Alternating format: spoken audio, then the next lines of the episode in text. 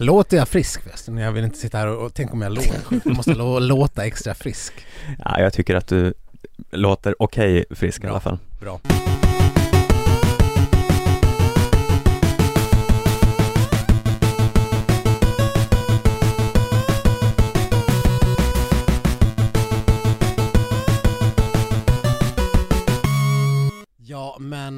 Hallå skidsnacks lovers och välkomna tillbaks till ännu ett avsnitt av succépodden Skidsnack.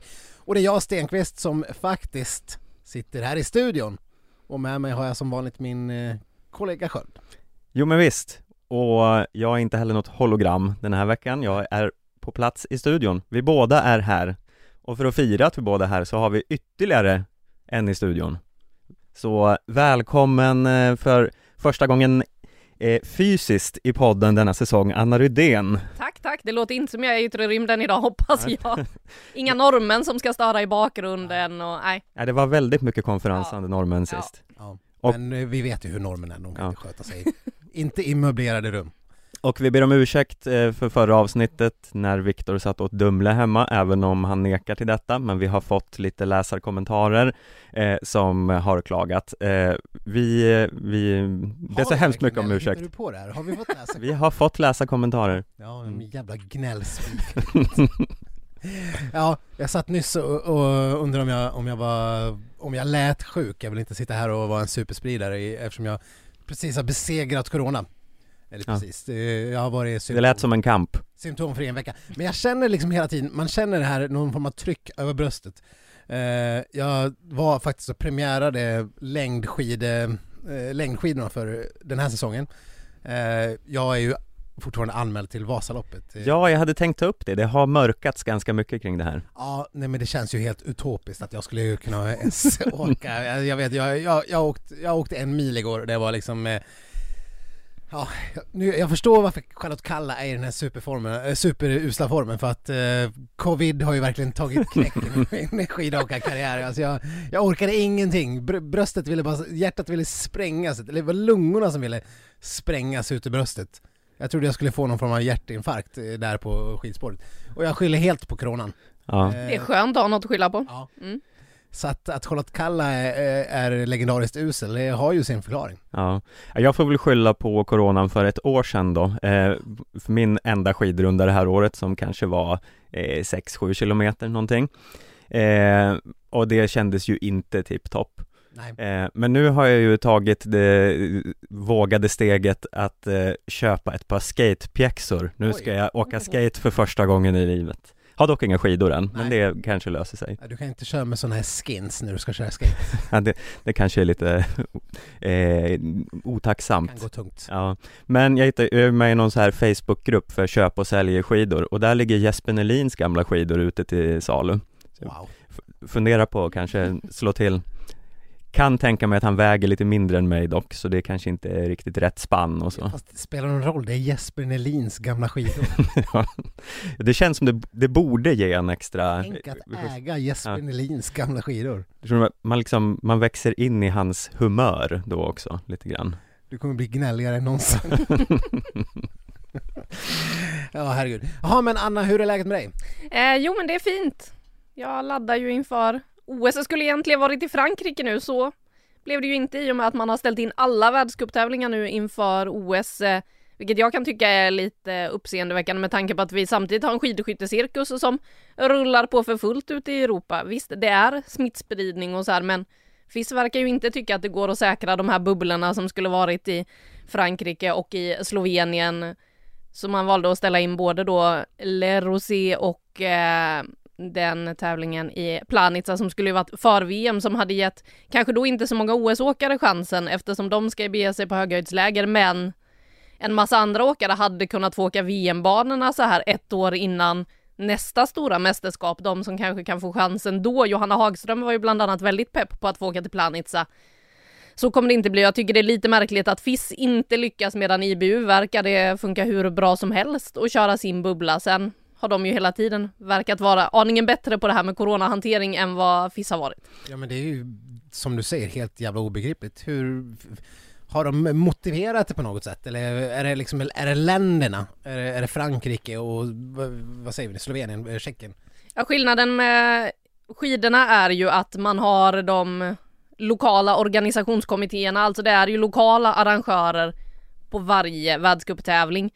IBU äger ju hela, det är de som arrangerar tävlingarna var de än är. De ligger bakom som arrangör på ett annat sätt än vad FIS gör. Vilket gör ju då också att ja, när myndigheterna kliver in och säger till de lokala arrangörerna så får väl de lokala arrangörerna svårare att stå emot eh, och så vidare. Men eh, man kan ju tycka att FIS borde ha lite större makt här i vad man gör med sina tävlingar kring arrangemangen. Det blev ju diskussioner redan förra året kring när man skulle börja diskutera hur ska man kunna genomföra en världscup, att FIS faktiskt inte hade samma makt som IBU har. IBU klustrade ju förra säsongen och körde dubbla tävlingar varje på varje ort istället mm. och sådär. Det fanns ju inte på FIS karta för att där har man delat ut då till de olika länderna, alla ska få arrangera och hit och dit. Så att nej, jag tycker det är märkligt att man inte lyckas ha världscuptävlingar i längd när man lyckas ha världscuptävlingar i skidskytte. De är ändå ganska närbesläktade får man säga. Det borde eh, rimligtvis eh, kunna falla inom samma kategori. Ja, och det är inte så att de skjuter bort coronaviruset på skidskyttet, att de på något sätt är säkrare när de är ute, utan nej, det borde, borde funka. Herregud, vi kan ju flyga till månen, varför kan vi inte åka Nej men du, vad säger, vad säger, vad, vad säger landslaget, svenska landslaget om det här? Har det varit liksom eh, oroligt? Eh, det är ju, för vissa är det ju jätteviktiga tävlingar. Eh, ja det är det ju, framförallt kanske för Jens Burman som eh, vi inte har sett särskilt mycket av, som inte kunde tävla i Falun heller eh, under de här skandinaviska kupptävlingarna som var helgen som gick. Så att nu ska de ju arrangera några interntävlingar istället men det har väl varit ganska likgiltiga kommentarer då från svensklägret. Ja, vi får liksom anpassa oss till världen och där. Det är klart att det ställer till det i förberedelserna. Det är klart att Jens Burman hade behövt tävlingar. Vi såg ju på Oskar Svensson till exempel hur tungt det gick i början och hur han liksom ändå mer och mer, ju mer han tävlat har fått upp farten lite mer, hur han gjorde ett eh, ganska fint distanslopp ändå i Val di Fiemme där, man, där han själv kände att okej, okay, nu börjar kroppen äntligen svara, och hur han själv hade legat och funderat på okej, okay, vad finns det egentligen för tävlingar annars som jag kan tävla för att komma in i det här, för att få upp farten, för att få igång kroppen och få svaren inför OS som man behöver och att man känner att man ligger lite i fas. Det, alla de möjligheterna försvinner ju nu. En, visst, en träningstävling, mm. Okej, okay, du får åka runt och tävla mot alla som du tränar mot dagligen. Jag vet inte riktigt hur mycket det ger, även om de ska försöka då peppa upp i ett um, eh, väderkaos Jämtland eh, och få igång någon form av tävlingsstämning för att eh, Burman och de andra ska få sina tävlingar. Men nej, jag tror att det ställer till det en hel del för framförallt de åkarna som inte har tävlat så mycket på sistone. Ja, nej det är ju, vi, om man ska, det är ju lite skillnad där kan man ju säga mellan eh, situationen på dam och herrsidan, för ett damlopp kan man ju ändå se som en hyfsad eh, konkurrensmätning, eh, eh men jag vet inte hur mycket det säger för eh, herråkarna att göra ett testrace med eh, bara den vanliga träningskonkurrensen. Som nu, nu har det ju skrivits här om glädjebeskeden från, från Jens Burmans håll.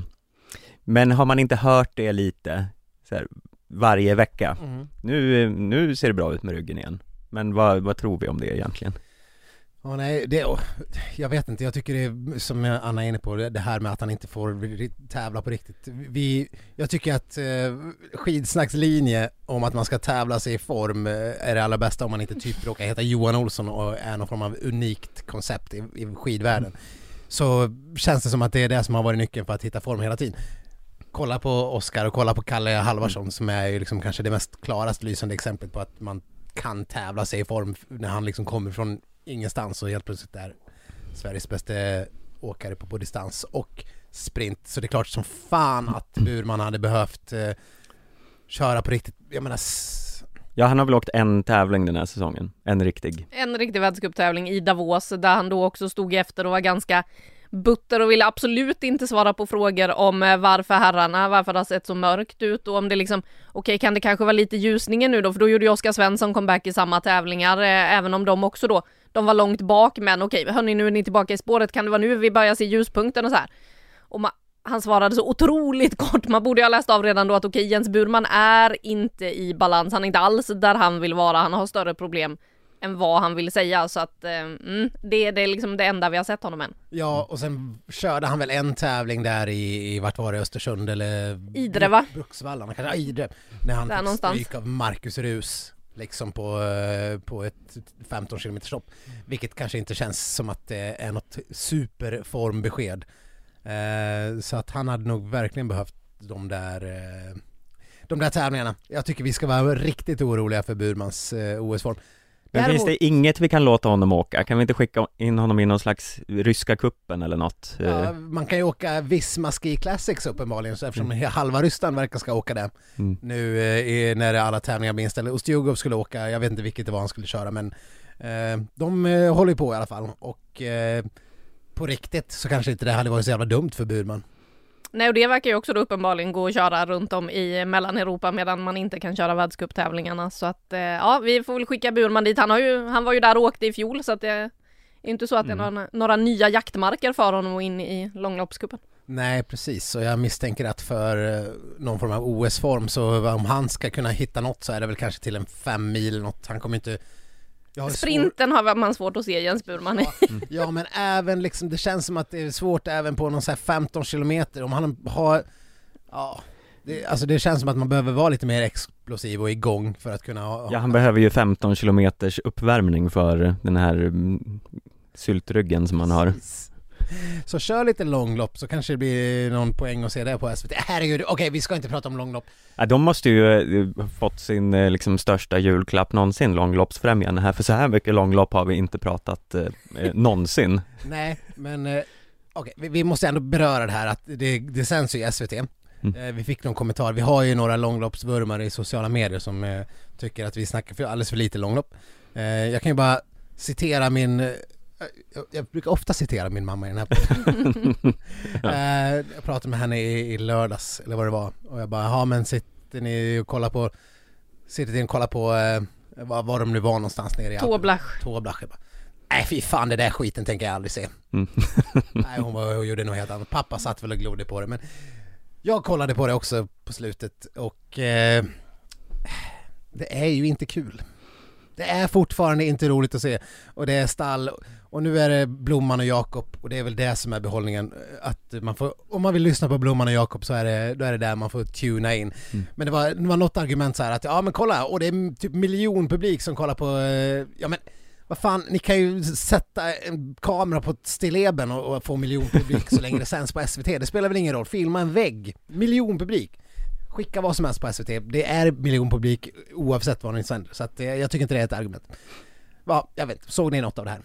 Jag såg ju faktiskt både lördag och eh, söndag, men det har ju också att göra med att eh, Tåblach är en av mina favoritplatser. Eh, det är så otroligt vackert nere i Dolomiterna och eh, vid Tåblachsjön eller Dobiakosjön som de kör förbi där, så att jag satt väldigt mycket och tittade på vyerna kan jag ju erkänna och eh, letade efter min airpod som jag tappade där i fjol när eh, det är ju också ett eh, stopp på Tour de Ski. Det var ju där Frida Karlsson hängde i dörrkarmen i fjol eh, i Tåblach så att eh, under en morgonpromenad råkade jag lägga en airpod där längs eh, skidspåret uppe vid sjön. Så du, under sändningen satt du Jag ser- satt och spanade och se om jag, kan jag hitta den på de här tv-bilderna nu ett år senare efter att ha letat då? Och liksom, Ja. där Så, ha, så hade det varit liksom eh, den stora älgvandringen istället för skidlopp i Toblach så hade du också tittat. Så finns det risk att jag också hade Ja. tittat ja. Ja. Sen eh, så tycker jag ju att det är lite intressant med att vi faktiskt, eh, om man ser till eh, segrarna på söndagen då när de gick i klättringen när vi fick eh, Jag såg E- faktiskt det också, jag såg Ja. på söndagen. Det, då, då, då skulle jag ändå köra upp för ett berg. Man Exakt. ju Gärna, man vill gärna se. det lät där ju Tour Skiet. Ja, väldigt Tour Skiet och eh, det var ju två svenskar som vann där med Eklöf och Dahl som vann då sina första segrar och eh, det som jag noterade därifrån det är ju att det faktiskt är åkare uppvuxna i södra Sverige. Vi börjar ju se att det faktiskt dyker upp några från södra Sverige. Även då Leo Johansson som nu ska åka på OS. Eh, och det tror jag ju att skidorna behöver, att eh, det kommer skidåkare från större delar av Sverige än bara uppe i Piteå och eh, sådär. Så att det tror jag kan vara ganska viktigt för längdens utveckling, inte bara då långloppet utan även om man ska ha lite chanser framöver att vi får elitidrottare från större delar av landet. Verkligen. Eh, men apropå tävlingar som var i helgen så ska vi väl ändå halka in lite grann på eh, eh, Sveriges medelpunkt och absoluta centra överlag, Dalarna. eh, för där var det ju tävlingar och eh, får vi säga att Jonna Sundling visade OS-form, Stefan. Eh, det får man väl säga. Hon tog ett litet hattrick där och vann allt. Och det väcker ju lite tankar om vad hon ska åka i OS och vilka som inte ska åka istället. Eh, för nu känns ju hon som både ett ganska givet stafettnamn och eh, kanske ett eh, distansnamn på vissa sträckor, eller vad, vad säger ni? Verkligen, om inte, om inte annat så stafetten, eh, helt given i mina ögon. Eh, herregud, Moa Olsson var väl på, det, det var klassiskt på lördagen och jag tror att hon var så 42 sekunder efter eller något så galet eh, på, på 10 kilometer. Det är ju anmärkningsvärt.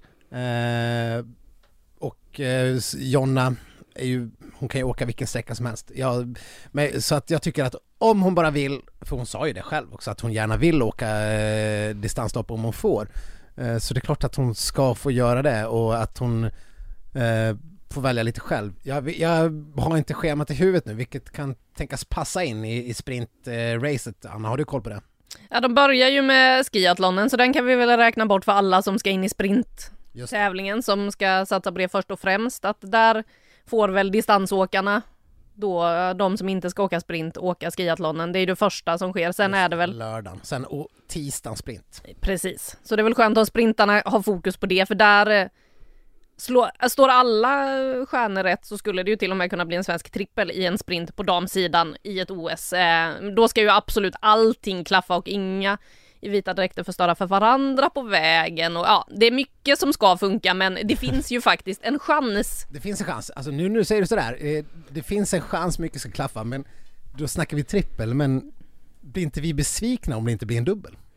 Eh, jo, det känns ju lite som att en dubbel räknar vi väl nästan med. Ja, det är väl liksom min, det är väl liksom det lägsta vi ska ha, Ja. en dubbel. Även om Jonna och Maja har en historia av ihopkrokning Ja, som, eh, men det kan man ju tänka att det borde inte kunna få hända igen. Men, eh, De borde ju ha klarat Peppar, av det nu peppar. kan man hoppas. ja. Eh, och eh, sen, eh, ja, vem ska ta den tredje då säger ni?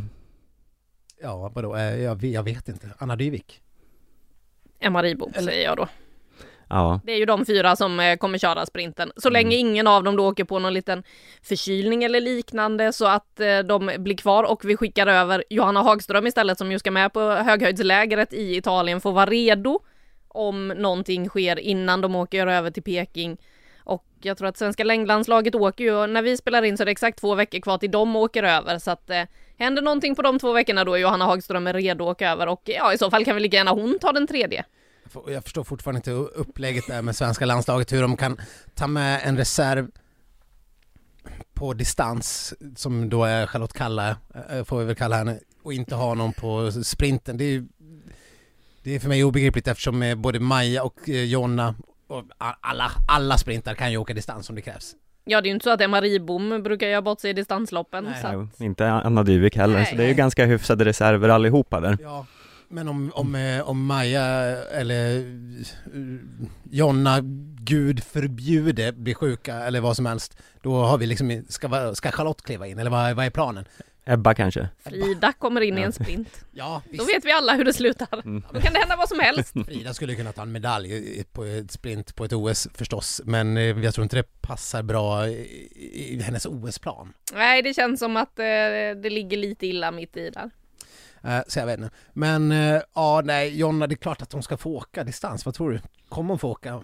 Det tror jag absolut. Eh, om, alltså så länge hon inte får någon form av reaktion eller smäll på höjd och sådär nu. Nu ska de ju ladda ordentligt uppe. De åker ju då eh, redan på lördag till eh, Seiseralm där Sverige ska ha sitt höghöjdsläge, sin uppladdning inför de här tävlingarna på höjd sen och sen så kommer de ju vara i Peking nästan en vecka innan tävlingarna drar igång och det blir ju lite mer än en vecka för sprintarna då som drar igång på tisdagen. Så att eh, så länge det inte blir någon form av reaktion eller hon själv känner sig sliten eller tävlingarna tar för mycket på henne så är det klart att hon ska åka distanslopp. Mm.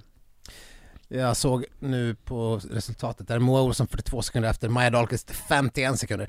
Inte vet jag, kanske var för att Jonna hade mygelvalla under skidorna.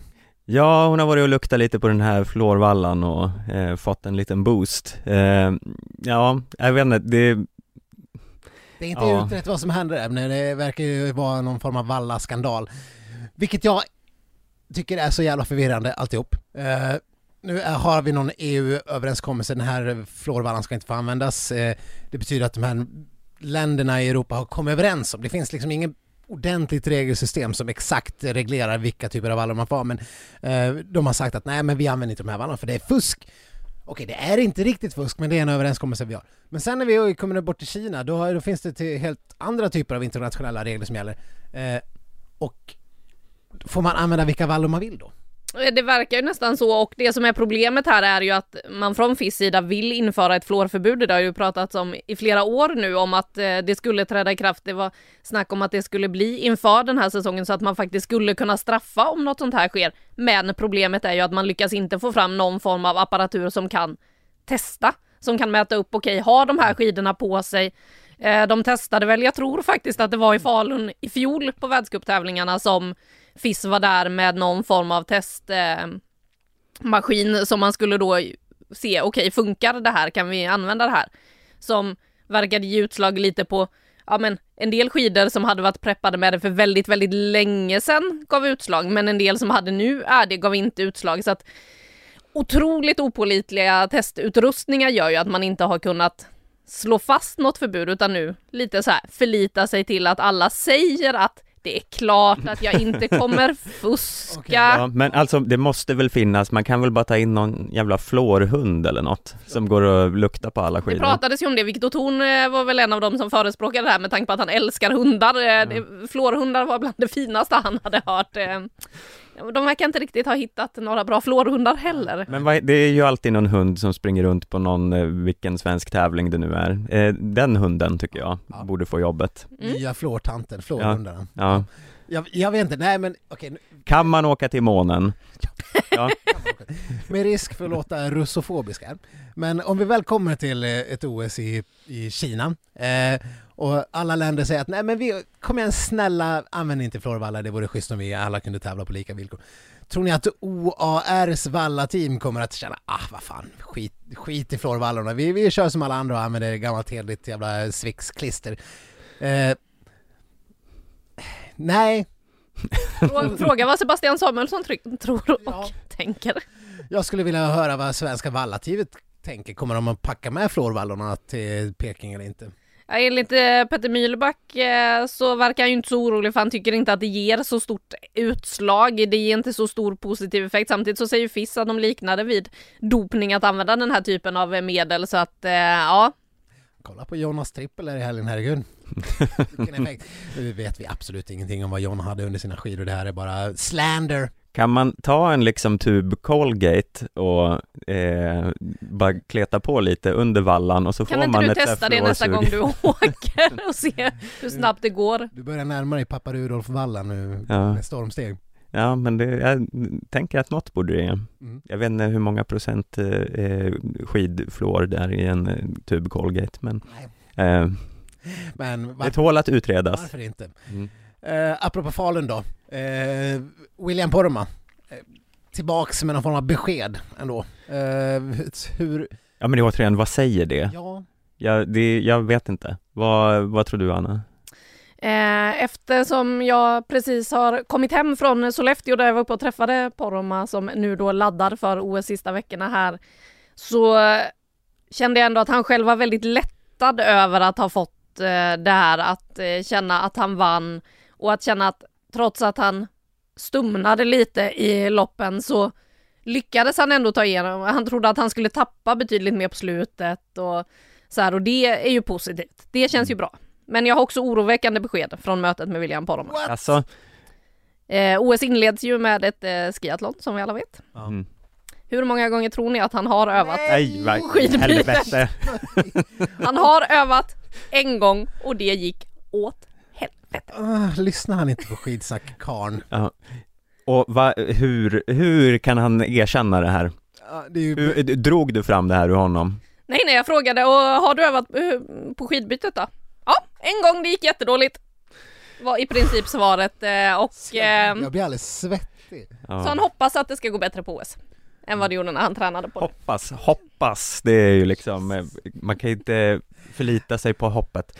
Eh, vi räknar bort William från skiathlon-chanserna då. Ja, ja men verkligen, om man ska åka runt där med en skida, eh, det funkar ju liksom inte. Det, ja nej.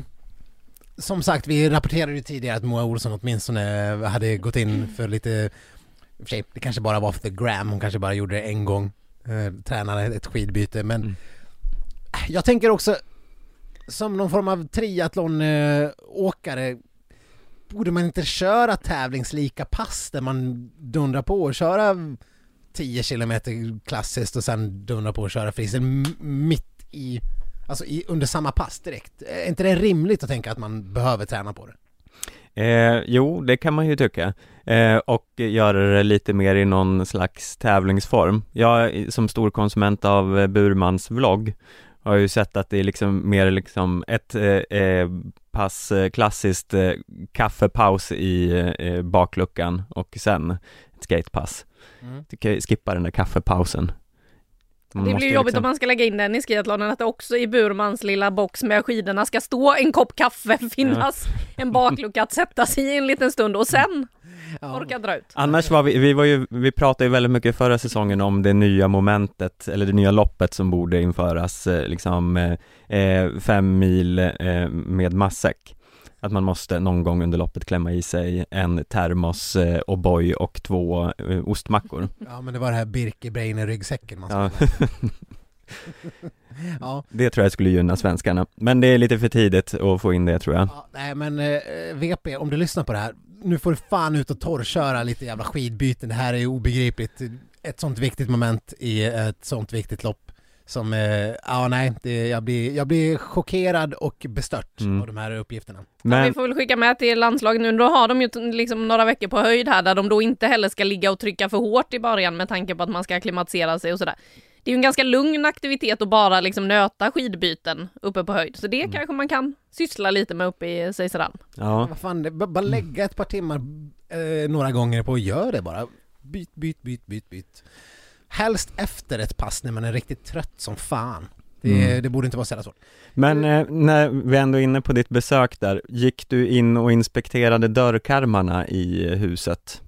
Eh, av coronaskäl så var jag ju då aldrig inne i huset utan vi ska säga det att vi eh, höll oss ute, det var avstånd, det är munskydd, eh, allt sånt här, mycket handsprit och annat härligt eh, som man ju har vant sig vid nu. Men eh, Ville hade ju varit in och inspekterat för han har ju flyttat därifrån, han bor ju i Åsarna numera, hemma för första gången sedan i juli och meddelat att alla dörrkarmar och sådär, det, det, det sitter fast. Det, det kanske var lite stökigt när han kom hem men eh, det gjorde inte så mycket. Han tyckte det var ganska härligt att få vara hemma i Sollefteå igen och eh, dörrkarmarna satt fast. Frida verkar må bra. Hon var också ute och körde med eh, Ville då, hans pass tillsammans med landslagstränare Lars Ljung där de visualiserade upploppet i Peking och testade hur man kör sista kurvan, hur man får med sig farten in på upploppet. eh, Och ja, de eh, såg rejält taggade ut, både Ville och Frida, så att eh, Frida har återhämtat sig efter touren och debaclet där och Ville känns som att han är på väg mot ändå en okej form. Och jag fick kanske, om jag inte behövde dra ur det här skidbytet ur honom så fick jag dra ut att eh, det som han eh, känner att han ska ha med sig hem från OS är ju en medalj. Mm. Ja men det var ju fint att höra i alla fall. Ja, så jag drog ut det till slut och Ja, ja. ser väl kanske då de största chanserna ser väl de svenska herrarna i stafetten. Gör de det Mm. verkligen? Ja. Så verkade De började smida planerna direkt efter VM-stafetten i Oberstdorf sist, så att eh, vi får väl se vad de lyckas med. Ja. Ja, jag vet inte. Vi vet att Kalle kommer ta ett guld i fem milen. Det, är Mm. ju, det har ju Stefan Sand drömt för länge sedan. Ja, det är ju inte säkert att det är fem milen, men eh, som något lopp, eh, det kan bli vilket som Det helst. kommer ju sluta med att vårt hopp står till fem milen som ligger Ja. sist. Mm. Ja, men vi, det, är, det är mycket talar för det, att det blir fem milen. Ja. Mm. Eh, så att, men då måste du jag vet inte vad, alltså tyvärr så är det väl så att skiathlon är Poromas största chans på förhand. Rent så här, vad, vad man känner att han borde kunna vara bra på. Så att eh, det, det, därigenom ännu större anledning att ut och torrköra lite grann. Men eh, I don't know. Va- När han bor i Åsarna, bor han i Jens Burmans garage? För det är lite där jag föreställer mig. Det är ju så man ser det framför sig, men jag tror att han har eh, ett eget ställe i Åsarna. Jaha. Ja. Som han numera kallar att åka hem till. Åsarna. Oj Mm. då, vad tycker Frida om det undrar man? Ja, det undrar man verkligen. Hon verkar vara ganska glad att ha honom hemma nu i alla fall. Men även om du inte var inne i huset, du såg det ju utifrån i alla Ja. fall. Eh, hur många plus får det? Eh, Men det såg väldigt mysigt ut, en fantastisk utsikt ut över eh, Sollefteå. Eh, Ångermanälven går ju genom Sollefteå. De ser det där Hallstaberget som ju Frida vet hur man springer förbannat fort uppför. Vi satt och tittade ut över det själva när vi var där och kände att ja, men jag kanske hade kommit eventuellt en tredjedel på tiden Frida springer hela vägen upp. Ja. Ja, det är så man känner när man ser lutningen på det där berget eh, som de springer upp för. Så att, eh, ja men ändå, utifrån så får du väl kanske tre starka plus. Ja, Mm. Bra. Ja, ja det där Hallstaberg, vi har ju utlovat att någon gång eh, tävla upp för det. Mm, Eh, jag kan kommentera när ni ja. tävlar. Det ser jag fram emot. har vi verkligen det Stefan? Ja men jag tror det, men sen Om inte annat nu. Jaha, Vi slår fast det nu. Ja. frågan är när vi ska lyckas ta oss till Sollefteå bara. Det, det är inte som att man har vägarna förbi så ofta. Om Det man, är ju en bit att köra det är det. Ja, Mm. eh, så eh, to be continued eh, när detta blir. Vi har några grejer i Falun vi måste re, re, riva av innan vi kan släppa det helt. Nu har Mm. vi liksom haft ett stickspår här. Eh, eh, en, en annan oroväckande sak, eh, eller det var väl inte oroväckande att William Poromaa vann båda loppen, det var väl jättebra. Eh, mindre bra, eh, Carl-Johan Westberg fan, pissar på konkurrenterna, eh, slår Taugböl och Skar och, och, och eh, vad heter han, Golberg och alla möjliga eh, i sprinten. Anton Persson tar sig inte ens till semi. Vad säger vi om det?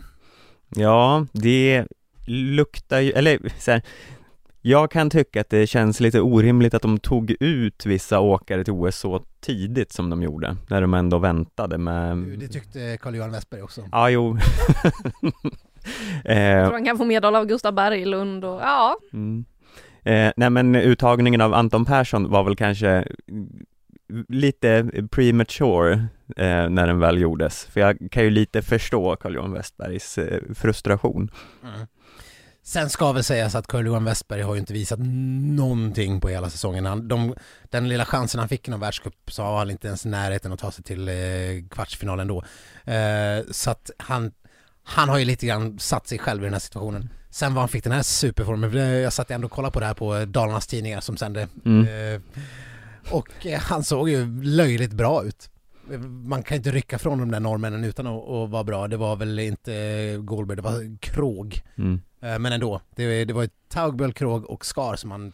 Ja, Taugböl är ju ändå en eh, av storfavoriterna till en final i OS. Ja, verkligen. Eh, så det var ju, och de kanske är totalt nedtränade, vad fan vet man, men eh, eh, jag vet inte. Nu har vi ju pratat om Kalle Halvarssons eventuella deltagande i en sprint eller inte. Vilket känns naturligt eftersom han är den som har gjort bäst resultat den här säsongen. Sen, Häggström då? Ja, alltså vi, han har ju någon form av eh, diffus skada som alla andra åkare som han har mörkat eh, tydligen utåt. Eh, är det här något som du har mm, vetat om eller kom det här som nyheter för dig också? Nej, han började hinta om det redan i Lillehammer, att Mm. han eh, då inför Ruka hade varit på gymmet och gjort någon explosiv övning som på något sätt hade börjat spöka kring nyckelbenet.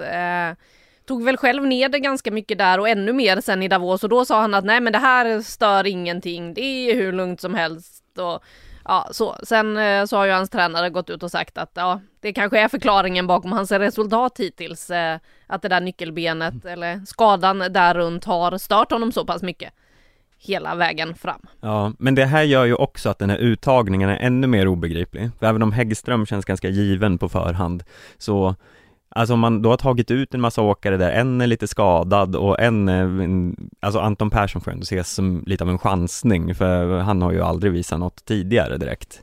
Eh, och sen nu kommer det sån här eh, efter eh, släntare som Westberg och visar lite form nu. Det, jag fattar bara inte varför de var tvungna att ta ut eh, laget så tidigt. Nej, och stängare liksom. Ja, Stängare innan Tour de Ski, det är ju helt obegripligt. Och dessutom när man då hade de tidigast uttagna på här sidan, nämligen Oskar Svensson och Jens Burman, som båda två har dragits med stora skadeproblem som har varit stora frågetecken, som redan har sina biljetter säkrade, som ska åka.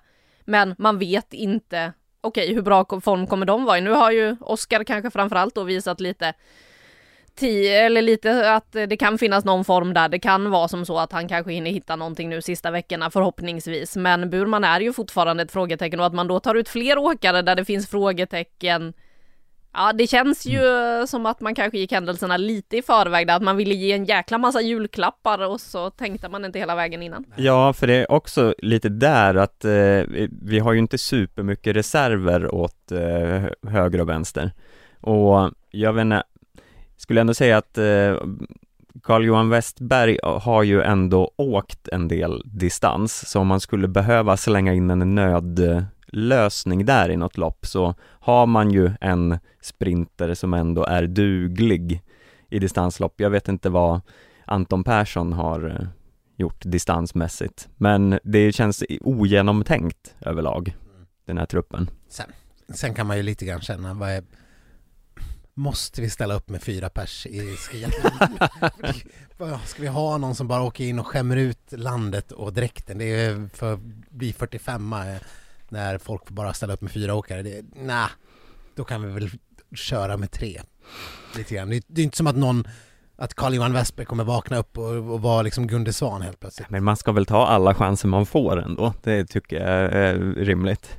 Det finns väl kanske några yngre åkare som hade kunnat få åka med på ett OS-äventyr åtminstone och uppleva hela För det är ju ganska många i det här svenska laget. Nu visserligen så blev det ju helt plötsligt väldigt viktigt med erfarenhet och rutin i den sista uttagningen. Mm. Oj vad man poängterade att eh, vad bra det är att vi får med Charlotte Kalla och Kalla Halva som, som vet vad det är att vara på ett OS, som kan bidra med sin rutin och sin erfarenhet till alla yngre åkare. När jag frågade dem inför då när man tog ut truppen innan jul och eh, de enda som hade varit, tävlat på OS då var Ebba Andersson som har en stafettmedalj då i bagaget. Sen var det Jens Burman och Oskar Svensson. Det var alla åkare med någon form av OS-erfarenhet i den svenska längdtruppen. Övriga, visst de kanske har lite mästerskapsrutin men det är ju inte heller jättemycket eh, som finns där. Många, då var det så här, nej men vi har ett så ungt och hungrigt lag, det, de är så, eh, det kommer gå så bra, de eh, vill väldigt mycket det här gänget och det kommer bli speciellt att åka på ett OS i eh, Peking, även om det nu kanske då, ja, det kommer vara en bubbla. De kommer inte få göra så mycket annat. Man kan inte, som på eh, en del andra olympiska spel, att idrottarna kommer kunna åka och titta på en massa andra idrotter och sådär. Eh, jag vet till exempel i Pyeongchang måste det ha varit när jag och vår fotograf Pontus Orre fick hjälpa Oskar Svensson och Theodor Pettersson tillbaka till herrstafetten för att de hade varit ute och tittat på freestyle på morgonen och inte visste vilken buss de skulle ta. Vi fick smuggla in dem på mediabussen och sen visa hur de skulle ta sig tillbaka till det var ju tur att, eh, jag vet inte, kommer inte ihåg vem av dem det var som var reserv i det loppet, men eh, den personen behövde ju inte hoppa in, det var tur, för stafetten han börja medan vi satt på bussen. eh, första sträckan var igång, de satt och tittade på den där. Men så att sådana aktiviteter kommer man inte kunna göra, så att det kanske inte blir så mycket större runt omkring än vad ett vanligt VM är. Men eh, det kommer ju ändå vara att man bor i OS-byn, det finns en massa andra atleter runt omkring. Det händer väldigt mycket. Det är större uppmärksamhet. Det blir eh, ett annat, en annan global uppmärksamhet kring allting på ett OS än vad det är på ett skid-VM. Så att det är klart att det finns massa nytt som kommer att ske som de inte är beredda på. Och eh, det ska bli intressant att se hur de hanterar det och därför kanske det hade varit bra att skicka med någon som är lite yngre som kunde få känna på det redan nu och som kan vara bättre om fyra år då och leverera när det är dags mm. nere i Italien. Mm. Ja men det här var vi inne på förra veckan, det här är otroligt märkliga att Charlotte Kalla fick den här platsen till slut istället för att ge den till någon se och lära person. Eh, det är fortfarande jätte, jättekonstigt. Quality sleep is essential for boosting energy, recovery and well-being. So, take your sleep to the next level with Sleep Number. With a Sleep Number smart bed, you can individualize your comfort level and enjoy a better sleep night after night. JD Power ranks Sleep Number number 1 in customer satisfaction with mattresses purchased in-store. And now the Queen Sleep Number C4 smart bed is only $1,599, a saving of $300 only for a limited time. For JD Power 2023 award information, visit jdpower.com/awards. Only at Sleep Number stores or sleepnumber.com. Men nu om vi gör så här hypotetiskt, eh, du är förbundskapten nu för svenska sprintlaget eh, och nu så på grund av orsaker så måste vi köra här sprinten imorgon i Östersund. Eh, du måste dra upp ett herrlag. Vilka fyra ringer du för att ställa upp på startlinjen imorgon? Får jag bara gå nu då på de som är OS-uttagna eller alla? vill. Mm. Måste Kalle kommer ju stå där. Kalle står där. Ja, absolut. Marcus Grate står där. Mm. Mm. Eh, Oskar Svensson står där. Mm. Men sen är ju det fjärde namnet Mhm. ett frågetecken. Vem som skulle stå där. Eh, det skulle väl i nuläget vara Johan Häggström som står där, Och- tror jag. Carl-Johan Westberg i superform. Ja, nej, han får stå vid sidan. Stå vid Tyvärr. Ja, även om det nu då är Östersund, inte på höjden, man vet att eh, han har levererat eh, nyligen så hade det nog blivit Häggström som hade stått där. Även om då, ja det finns åkare som Anton Persson, Gustav Berglund, Carl-Johan Westberg. Det finns. Det där fjärde namnet är inte helt enkelt, det är inte helt självklart. De andra tre tycker jag är eh, givna. Även om Kalle Halvarsson själv kanske inte känner sig helt given att han ska köra sprint. Han vill ju inte ta platsen från någon annan som han säger som har laddat Nej. för det här väldigt länge. Nej men det är väl det, det, är väl det som är det, liksom, det fåniga i hela det här. Jag tror inte att, jag, jag, jag har någon bestämd känsla av, jag tror inte Kalle kommer köra sprinten i OS. Nej, det tror inte jag heller, men man eh, hoppas ju det. Ja. Eh, men eh, nej, det, det tror jag verkligen Jag inte. tror de har liksom satt, satt sig lite grann i skiten.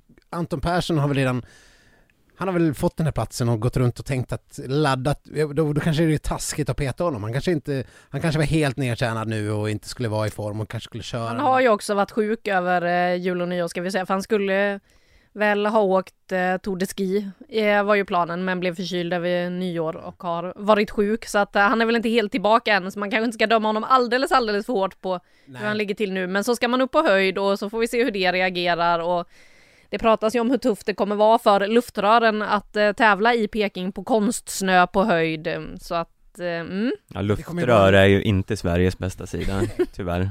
Nej men det kommer bli en helt absurd situation när, när vi ställer upp fyra åkare på startlinjen och den som har gjort bäst resultat i världscupen i år inte kommer vara en av dem. Eh, Det kommer bara bli konstigt och fel. Men det är ju så det är. Ehm, Ska vi fortsätta lite OS-snack?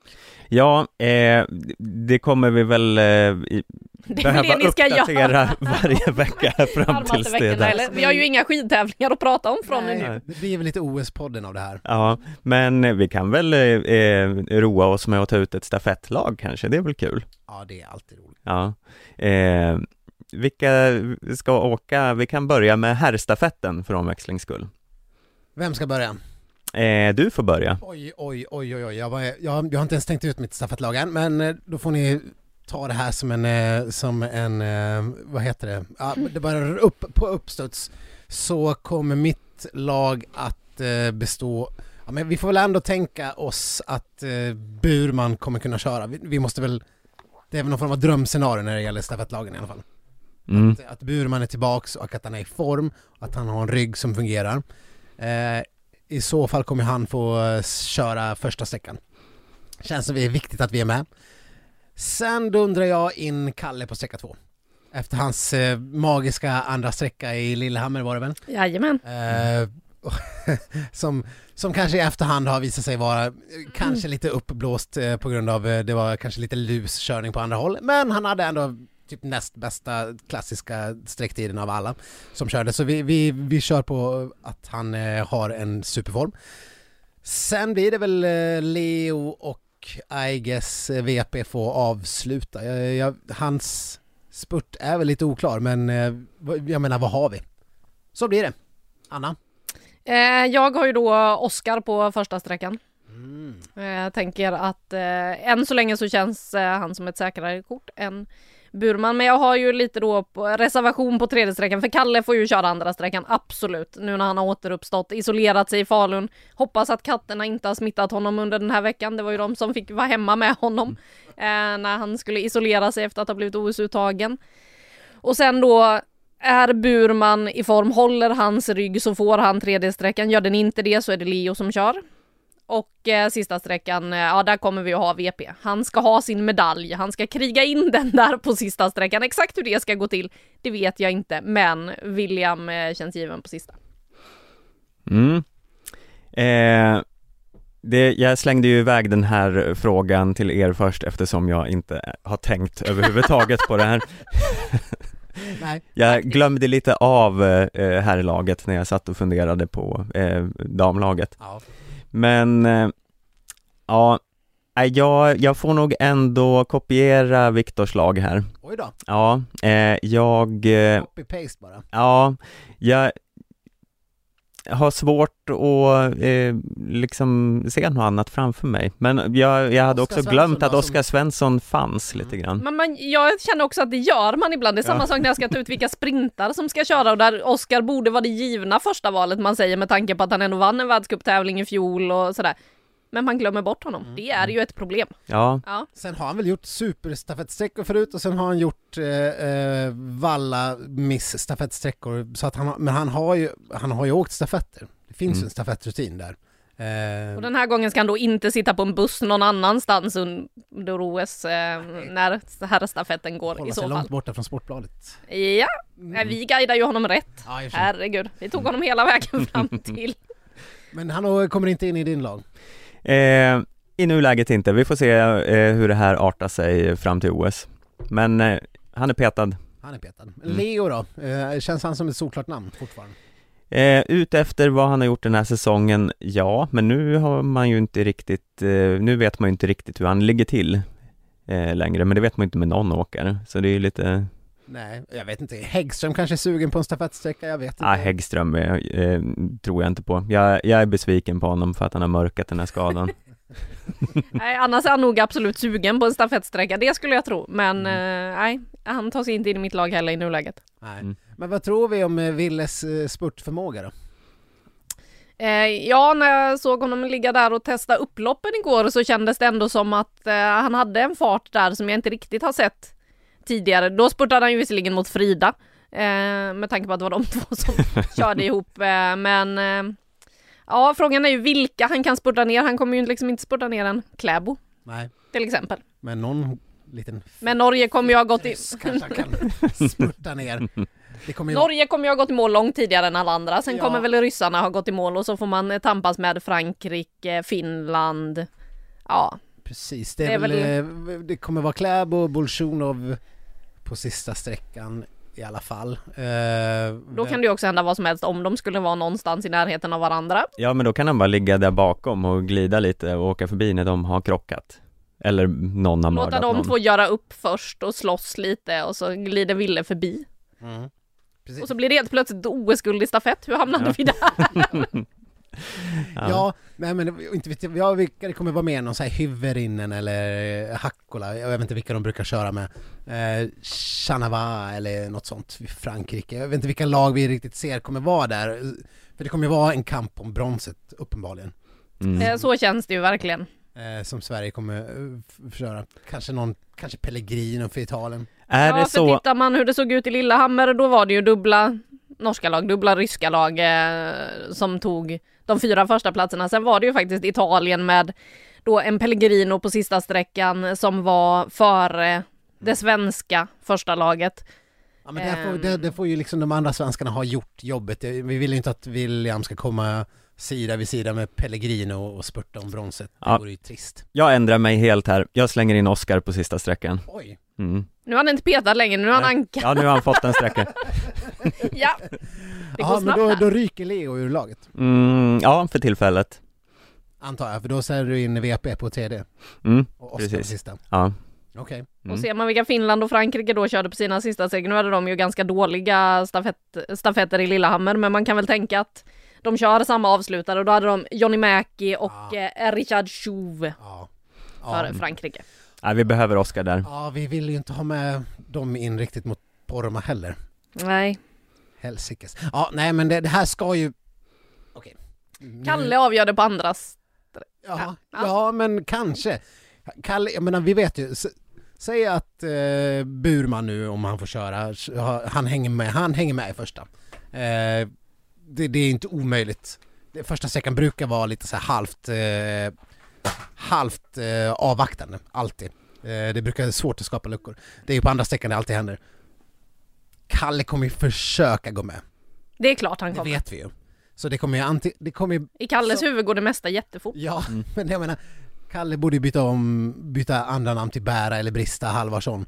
Mm. Eh, för det är där det, det är där det kommer landa. Så det är vi, eh, det är där bronsmatchen kommer att avgöras för svensk del. Är vi med, har vi, har vi liksom lagt lite distans bak till Italien och Frankrike, då, då är ju bronset klart. Mm. Ja men härligt. Det får vi väl se förutsättningarna. Herrstafetten i Oberstdorf var ju fantastisk att följa för det hände ju otroligt mycket med ryssarna som stack på första sträckan och sen snöade då var alla missar och hit och dit och det var ju faktiskt otroliga skiftningar. Man tänkte att Ryssland hade avgjort redan första sträckan och sen hände allt och helt plötsligt var Sverige med i någon kamp om medaljer och ja, herregud. Så att eh, herrstafetten den ser vi fram emot. Jag hoppas att den blir lika händelserik som den i Oberstdorf. Jag hoppas att jag inte behöver stå som en snögubbe ute i mixad och titta på hela. Mm. Ja, och snackar vi Oberstdorf och damstafetter så är det ju ett stort, Det, det, det glömmer vi. det är inga roliga minnen. Nej, vi, vi tänker bara på herrstafett och Oberstdorf. Eh, Där, eh, för er som eh, har lyckats förtränga det, så Skulle man stoppa alla tåg och stänga affärer och ja. Ja men precis. Men då blev det ju så att Charlotte Kalla blev totalt bortvallad. Hon var inte den enda som blev bortvallad. Det var väl Maja Dahlqvist på första sträckan. Nej, Jonna Sundling på första sträckan Sundling. eh, och så såg ju Charlotte Kalla det och skulle då lägga, jag kommer inte ihåg om det var att hon la på mer fäste för hon såg hur det släppte för Jonna eller hur det var. Men hon gjorde ju då tvärtom mot Jonna och sen så stod hon helt still på sin sträcka istället så det var ju Ja. total katastrof. Ja det var, det, det var ju det sjukaste man har sett i alla fall. Men eh, det ska vi förtränga, hoppas eh, landslaget har förträngt detta. nu ska vi höra Stefans eh, laguttagning på damstafett. Nu ska vi Mm. säga att det här är fortfarande, ja det är väl typ fyra veckor kvar eh, innan det, fem till och med kanske. Vi Mm. får se. Eh, hur ser ditt lag ut idag? Det kommer ju ändras tre gånger till fram tills dess. Men Mm. Ja, nej men nu, håll i hatten här Ja. nu, eh, för här händer det saker. okej. Mm. Vi har på en första sträcka Jonna Sundling. Oj! Va- varför åker hon första sträckan? Eh, därför att eh, det känns som att eh, hon är på hugget, hon kan både hänga med och eh, i en sån här liten eh, mm, lugnare körning inledningsvis eh, kan hon också komma sen och vara med bland de första i växlingen när tempot har ökat. Så Okej. jag tänker att hon är en bra öppningsåkare. Ja. På andra sträckan slänger jag in Frida Karlsson. Mhm. Eh, för att eh, nu är det ju lite så här, man vet ju aldrig vad Norge hittar på. Det kan ju svänga lite fram och tillbaka. Men jag tänker att man vill ha Frida mot Johaug, om de nu ska ha henne på en andra sträcka. Eh, you never know. Eh, tredje sträckan, Ebba Andersson. Mhm. Eh, ingen närmare förklaring där tänker jag. Nej. Det är liksom, det, det ja. känns rimligt. Mm, Hon ska väl med i laget i alla fall. ja. Och Det hade varit skräll om du hade petat henne. mm, Otrolig skräll. på en fjärde sträcka blixtinkallad från eh, skidskyttelaget Stina Nilsson. Oh, Stina. Jag trodde du skulle säga Elvira Öberg. Mm. Du väljer ändå Stina före Elvira Öberg. Ja men det är liksom, eh, hon, Om du nu ska kalla in någon från skidskyttelandslaget, varför tar du inte den snabbaste i skidskyttelandslaget? ja, men jag tar den som kommer, Norgespöket. ja Nor- Norge kommer liksom, de, de, eh, bara, så fort de ser Stinas namn så väcks minnena från den här katastrofen som inträffade i Seefeld. Ja, fast Fossesholm var ju inte med då. Eh, nej, men, eh, hon som kommer köra sista. ja men hon har sett det här på TV och eh, hennes spöke kommer också växa där. Mhm. Jag tycker ju att om inte annat borde man ju bara låna in Stina till liksom uppvärmningen den dagen så hon kan ligga där och åka lite på, tillsammans med norrmännen när de eh, håller på att värma upp den dagen bara för att liksom minnas lite hur det var i Seefeld. Mm. Ja, ja men visst, det, det köper jag helt. Stina och Charlotte får åka runt där och liksom bara påminna. Trist för Mm. Stina att det kommer bli hennes enda OS-insats. men, men vad fan, något ska man göra. Mm. Eh, Okej, vill du, du dra ditt lag eller ska jag dra mitt? Jag kan dra mitt lag där jag har då inte helt bestämt mig på första sträckan. Eh, Det är dagsform på Emma Ribom eller Maja Dahlqvist på första sträckan för min del. Eh, där jag just nu li- lutar åt Emma Ribom på en första sträcka. Jag har Ebba på andra sträckan.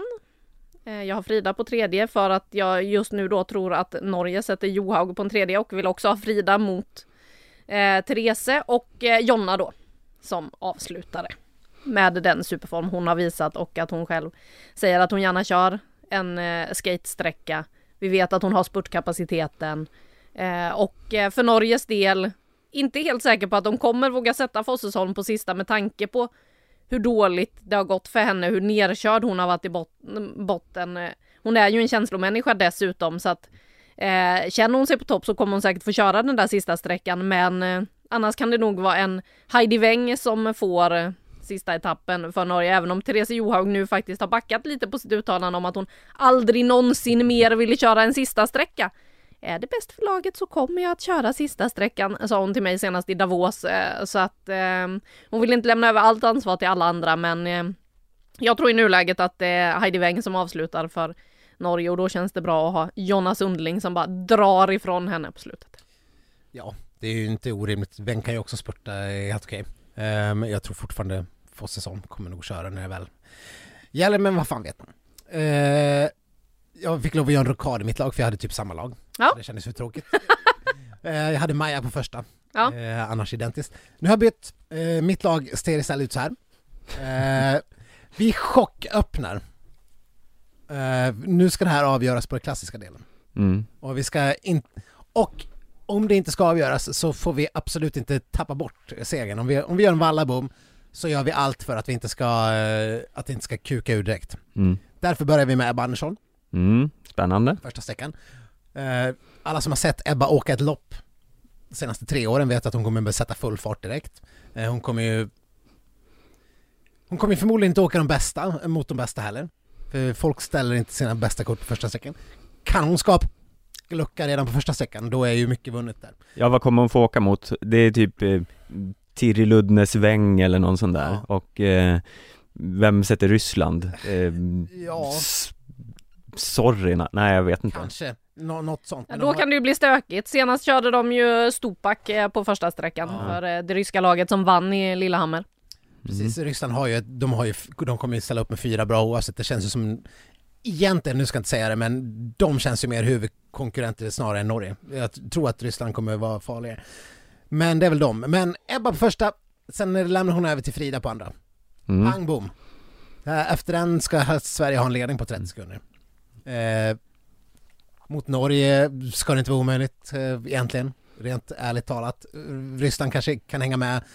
Ja, men de andra länderna ska ju vara borta vid det här laget. Mm. Finland ska vara borta och jag menar, det finns ju inga som ska kunna ha någonting att säga emot där. Sen dundrar vi ut Maja Dahlqvist på tredje. Eh, fem kilometer, går snabbt, fristil, svårt att misslyckas, har man bara formen. Eh, har vi de där 30 sekunderna då, då ska hon minst kunna växla i delad ledning med Norge. Även om Johaug kan äta ihop upp 30 sekunder på 5 kilometer utan problem, förstås. Men då växlar vi över till Sundling på sista. Mm. Sundling står vem som helst i spurten. Samma där, fem kilometer, eh, hon är i bra form. Eh, hon skulle förmodligen kunna hänga, hänga ungefär vem som helst om hon behövs fram till en spurt. Och i spurten så vinner hon. Ja, spännande upplägg. Noterbart att alla vi petade Moa Olsson.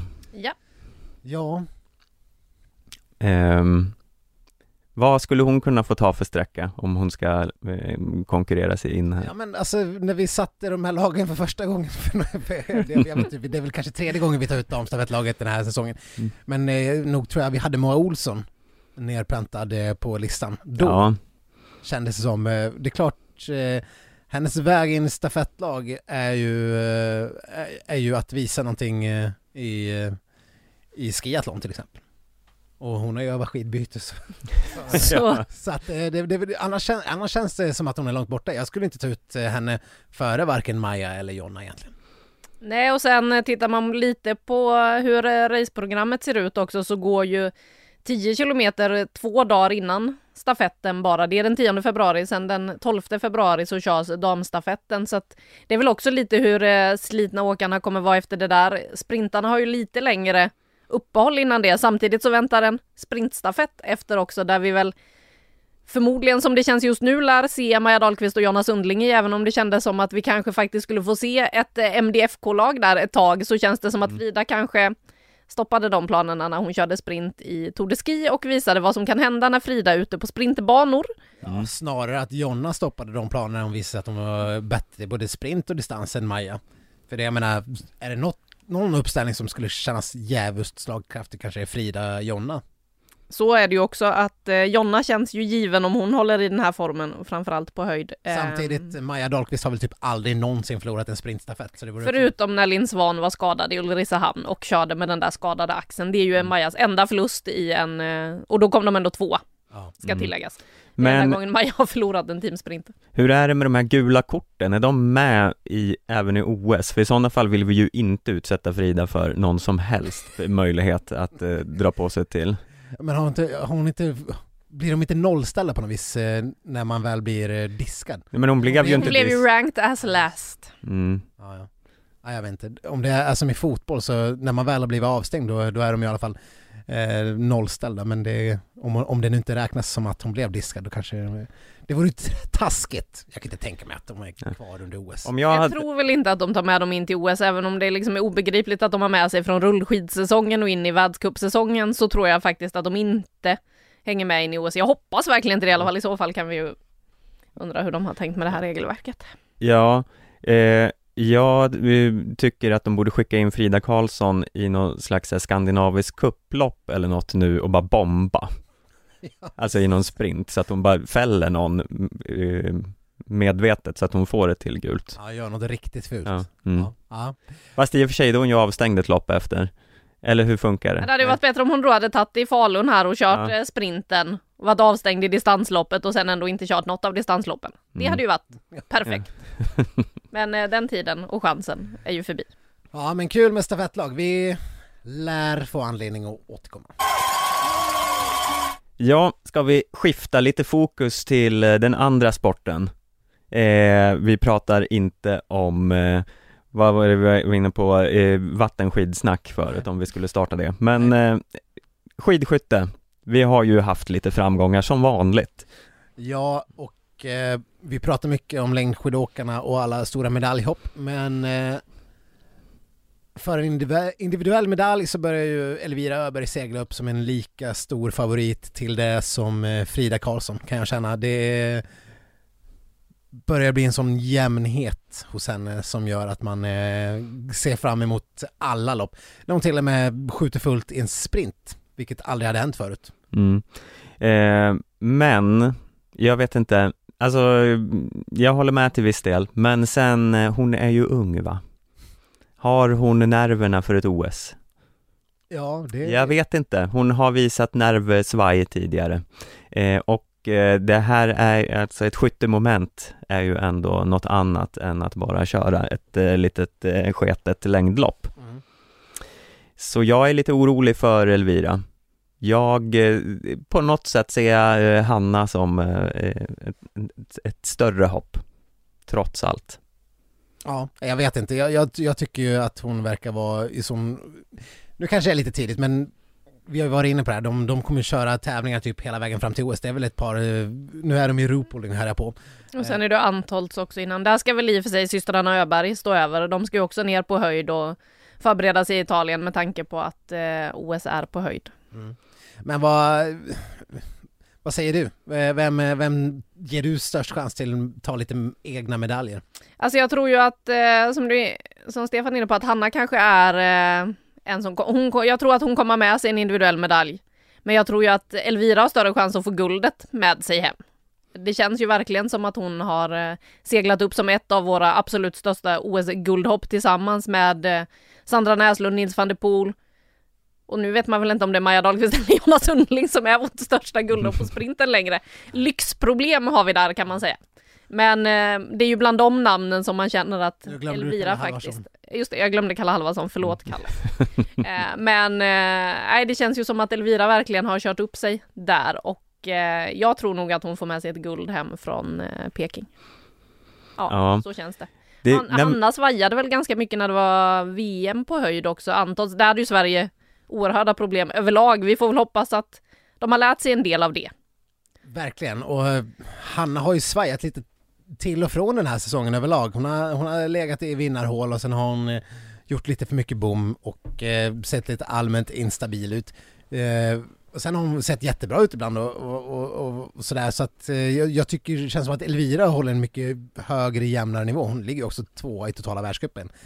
Eh, och vad då, vad tog hon nu i veckan? Sin tredje seger för den här Ja. säsongen. Mm. Det är ju liksom helt sjukt egentligen. Mm. Eh, sen hade vi ju på förhand sagt, vi snackade väl om det tidigare, att den här mixed-stafetten är kanske vår största eh, eh, guldchans på hela OS för skidskyttelandslaget.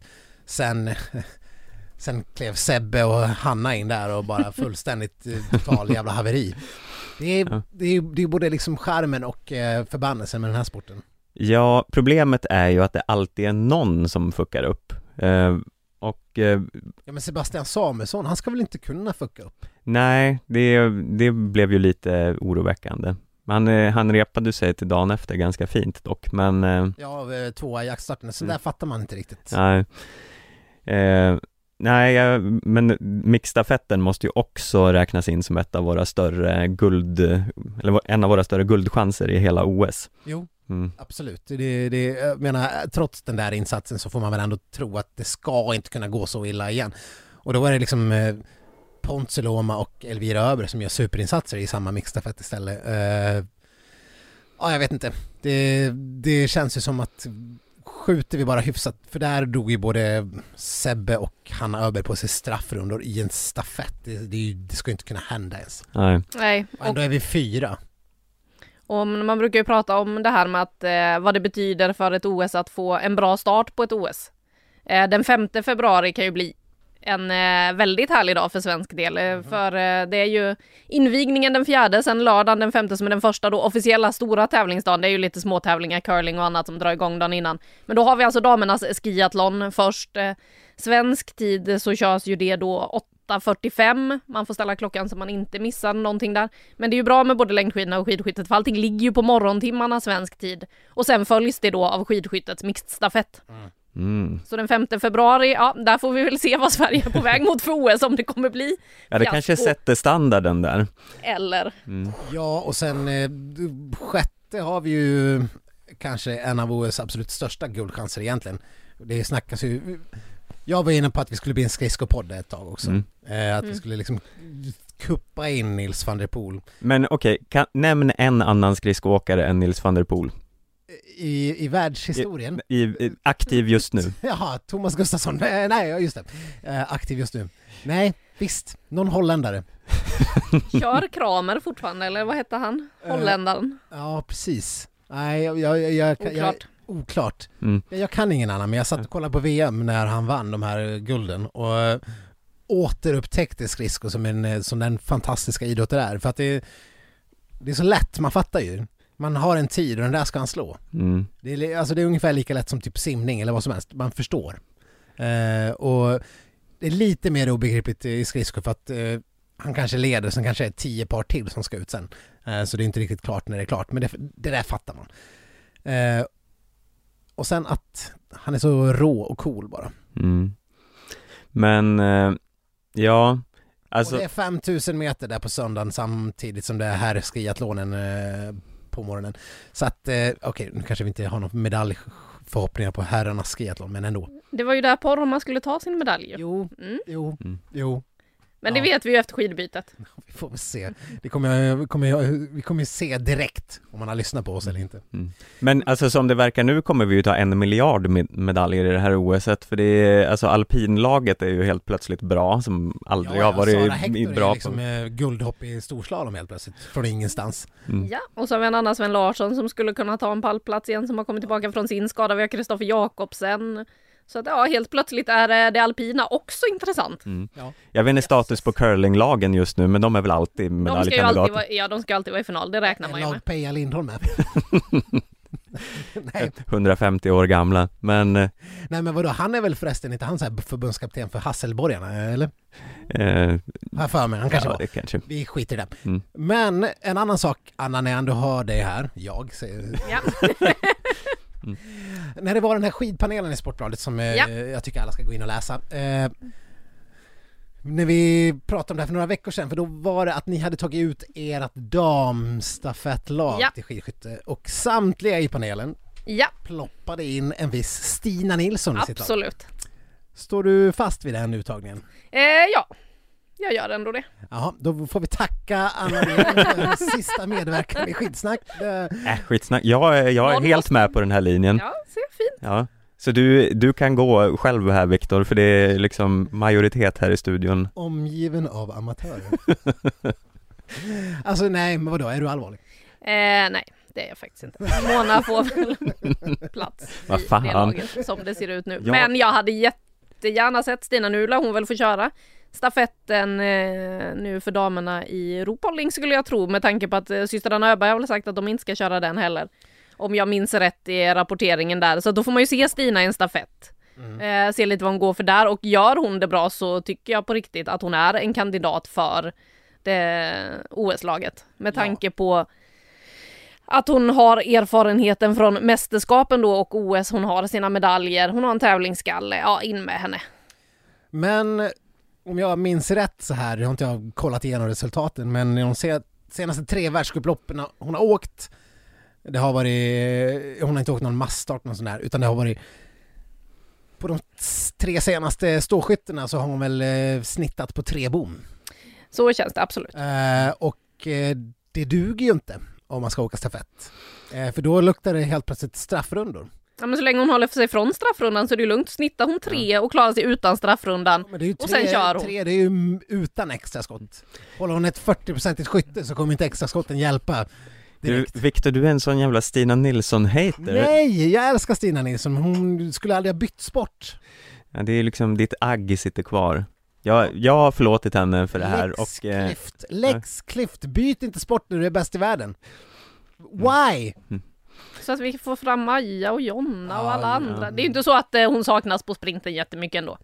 Nej, fast trippen är ju inte solklar som den här. Nej, fast eh, det hade den ju varit om Linn Svan inte hade trillat. Ja, Ja, men då hade du inte behövt Stina ändå. kvadruppen då? Ja, det, det är viktigt.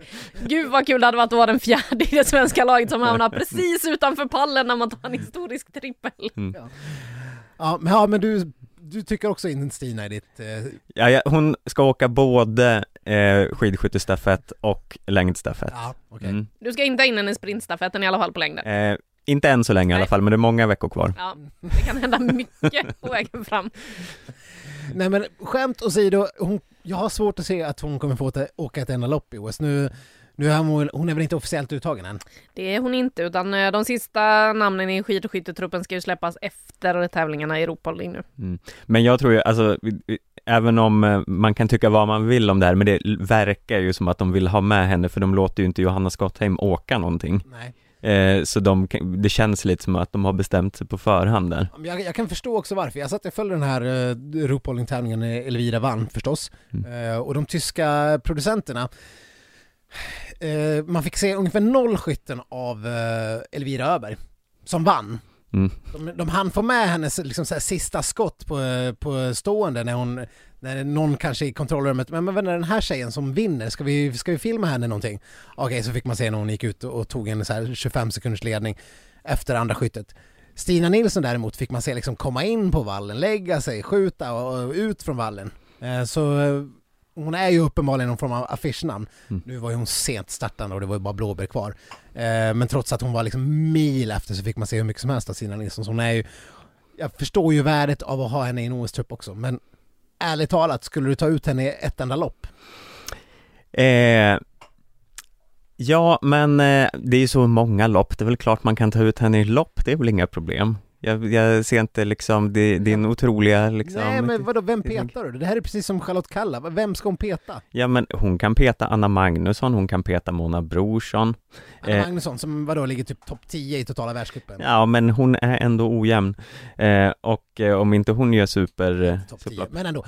Ja, det är klart att hon ska få åka ett lopp. Hon är ju Stina Nilsson. The Star. Till och med affischnamn i Dresden där man inte längre ska ha världscuptävlingar, förlängde tävlingar efter att hon har lagt av. Mm. ja. ja men vadå, skulle du ta ut henne i något lopp? Jag hade absolut låtit henne köra något lopp, ja. Det hade jag. Mm. Exakt Victor- vilket det återstår att se. Du, du får liksom gå hem och liksom eh, käka lite pepparkakor så back blir av era, liksom icke-meritbaserade uttagningar, det är... Ja, nej, det är... Ja, pss, ja. Ja. Eh, nej men eh, vi får väl andas lite och eh, eh, så får eh, Viktor smälta sitt agg här. Ja, mina damer och herrar, jag har längtat oerhört och Viktor har också längtat vet jag, för nu är det dags för detta. Hit til Rådås har vi samlet de største og beste vinterheltene fra Sverige og Norge til tidenes fight. Ja, ännu en säsong av Sverige mot Norge och eh, Rysningar, ja, rysningar. av- Och eh, eh, vi ligger kvar med gingen från första året, det är inte liksom någon som är kvar från det ens, eh, av eh, eh, programledare och skit. Men eh, ja, eh, vi har sett första avsnittet, eh, mycket eh, är sig likt förutom att det kommer något slags moment av att de ska kasta ut åkare och ta in nya, lite hipp som happ, jag har inte riktigt fattat Det det. som är lite olikt från verkligheten är att Stina Nilsson vinner och vinner och vinner. Alltså, släpp det här nu, Viktor har släpp. inte smält. Nej, det är tydligt. ja, men, nej men vadå, vi, första avsnittet, eh, Anna du har inte sett det här så vi ska, Nej. vi ska gå igenom det lite snabbt. Eh, Det står också en silly podd och vill in och, in, in och podda så vi måste rappa av där och vi kan inte göra världens längsta skitsnack. Det var ju en stor svensk succé, En stor svensk succé, eh, de vann allt. de har allt. Eh, jag vill bara säga att även om vi vann så är jag liksom otroligt besviken på Marcus Hellner och Stina Nilssons simförmåga. Ja, Fan vad dåliga de var. otroligt. Eh, alltså jag trodde ju Marcus Hellner skulle drunkna. Jag hoppas de hade... Jag känner att jag måste se det här. Ja, men jag hoppas de hade livräddare ute, för det såg ju ut att vara fara och färdig ett tag. Ja, alltså de var väl före Magdalena Forsberg och Tora Berger, men alltså de är ju också lite äldre. Eh, Stina Nilsson är ju för fan eh, jävla aktiv eh, atlet och Marcus Hellner slutade för några år sedan. Mm. Eh, det är det första jag tar med mig från det här. Mm. Och sen eh, tar jag med mig det här liksom störiga i när nyligen pensionerade åkare ska hålla på och eh, dra kortet att ja, nej men det, man, eh, det var ju länge sedan man åkte och hur ska jag kunna mäta mig med de här ungdomarna? Eh, sa Astrid Jakobsen, Ja, eh, pensionär sedan typ ett halvår eller ett år någonting. Eh, mm, jag tycker inte man kan kalla sig pensionär när man eh, liksom har lagt av nyss. Nej. Nej, jag tycker det var ganska coolt att vi pissade på dem eh, samtidigt som var Magdalena Forsberg som var liksom, som kunde vara mamma åt de flesta andra deltagarna Mm. i laget. Eh, förutom möjligtvis eh, Thomas Alsgaard. Ja, han kunde väl vara pappa då, Ja. å andra sidan. Ja, men faktiskt. eh, jag tyckte det här avsnittet var bättre än något på hela förra säsongen. Det var underhållningsvärde hela tiden. Dessutom så, vi kanske inte ska avslöja för mycket, men det var det bästa straffet som jag sett eh, hittills i eh, eh, nästan. Det var, det var ändå inte elakt och förnedrande utan kul. Tyckte du verkligen Ja. det? Jag tyckte att det, jag, Jag trodde det skulle vara kast, men det var ganska kul. ja, alltså vi kan väl, det är väl ingen anledning till att vi inte ska avslöja det här. Nej, nej, okej. Eh, det är ju liksom inte någon form av reklam dem. där. De fick skjuta på dem med paintballkulor när de för, behövde springa liksom framför och jag tyckte det var mest kul för att eh, Sverige var ju fullt av så här jägare. Eh, Marcus Hellner jagar, eh, Magdalena Forsberg känd jägare, Stina Nilsson är skidskytt.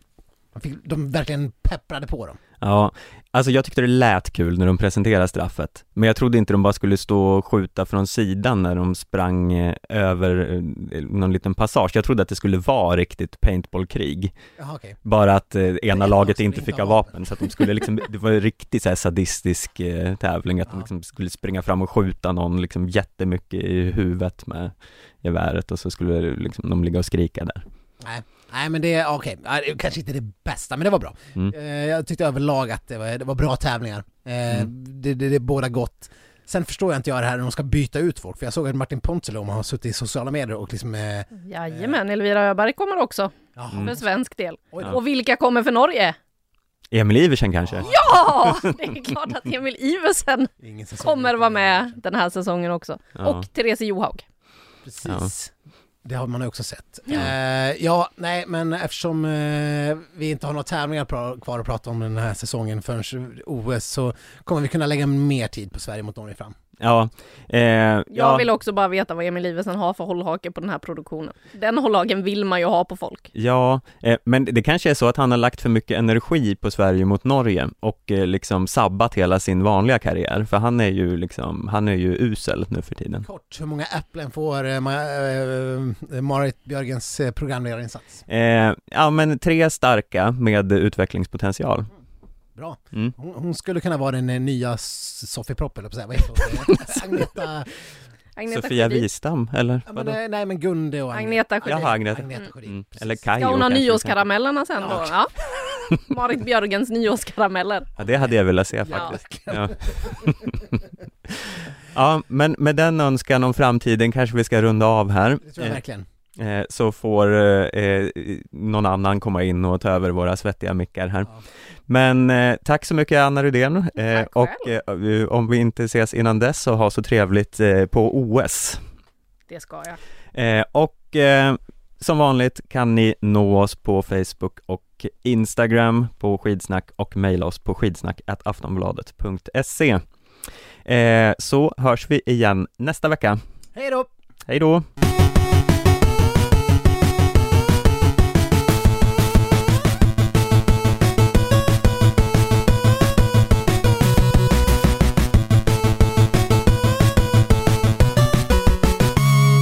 Du har lyssnat på en podcast från Aftonbladet. Ansvarig utgivare är Lena K Samuelsson.